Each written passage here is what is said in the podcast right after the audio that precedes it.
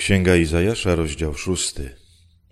W roku śmierci króla Ozjasza ujrzałem mojego Pana, siedzącego na wysokim i wyniosłym tronie.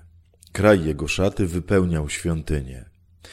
Nad nim unosiły się serafiny, każdy miał po sześć skrzydeł. Dwoma zasłaniał sobie twarz, dwoma zasłaniał swoje nogi, a dwoma unosił się w górze.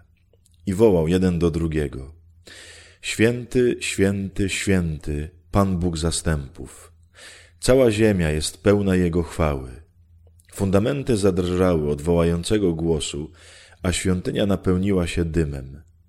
Wtedy rzekłem, biada mi, jestem zgubiony, bo jestem człowiekiem o nieczystych wargach i mieszkam wśród ludu o nieczystych wargach, a króla Pana zastępów widziały moje oczy.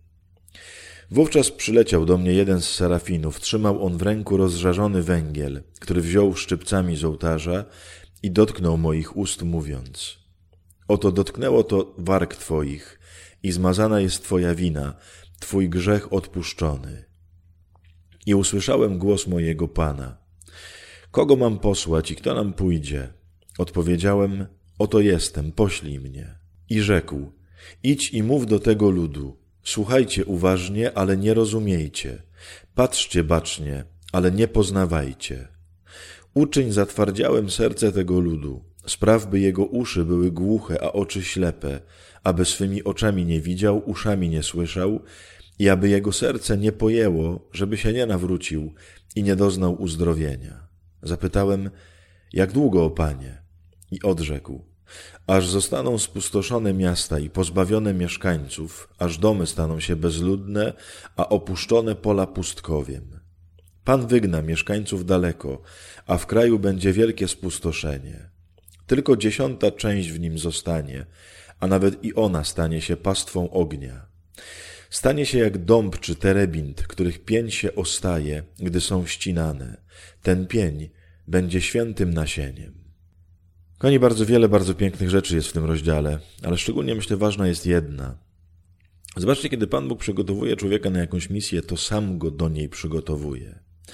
My często możemy sobie myśleć, ja to się nie nadaje, ja jestem za grzeszny, za słaby i tak dalej. Na pewno Pan Bóg mnie nie powoła, albo nie może, albo nie wiem, nie osiągnę nic specjalnego, bo właśnie, bo mam za dużo słabości. Zobaczcie, Pan Bóg, kiedy chce posłać Izajasza, najpierw sam go oczyszcza, i to nie neguje właśnie tego, że jest słaby. Pan Bóg nie mówi, słuchaj, oszukujesz się. Nie. Pan Bóg mówi, rzeczywiście jesteś słaby i nie masz rzeczy, które są potrzebne, albo masz takie, które są niepotrzebne, ale skoro cię poślę, to ja cię przygotuję. Kochani, nie bójcie się, to nie wy jesteście od tego, żeby decydować, gdzie pójdziecie i co macie robić. Możecie mieć całe życie poczucie że się nie nadajecie. Ale chodzi o to, żeby Panu Bogu pozwalać do siebie przychodzić i żeby On nas przygotowywał. Więc nie myśl tylko w takim kluczu, czy się nadajesz, czy nie. Tylko nieustannie zadajmy sobie pytanie, co mogę zrobić, żeby Panu Bogu dać się w ręce, żeby Panu Bogu pozwolić we mnie działać. Jeśli On będzie we mnie działał, to choćbym się całkowicie nie nadawał, to On przygotuje mnie i da mi wszystko, czego mi potrzeba.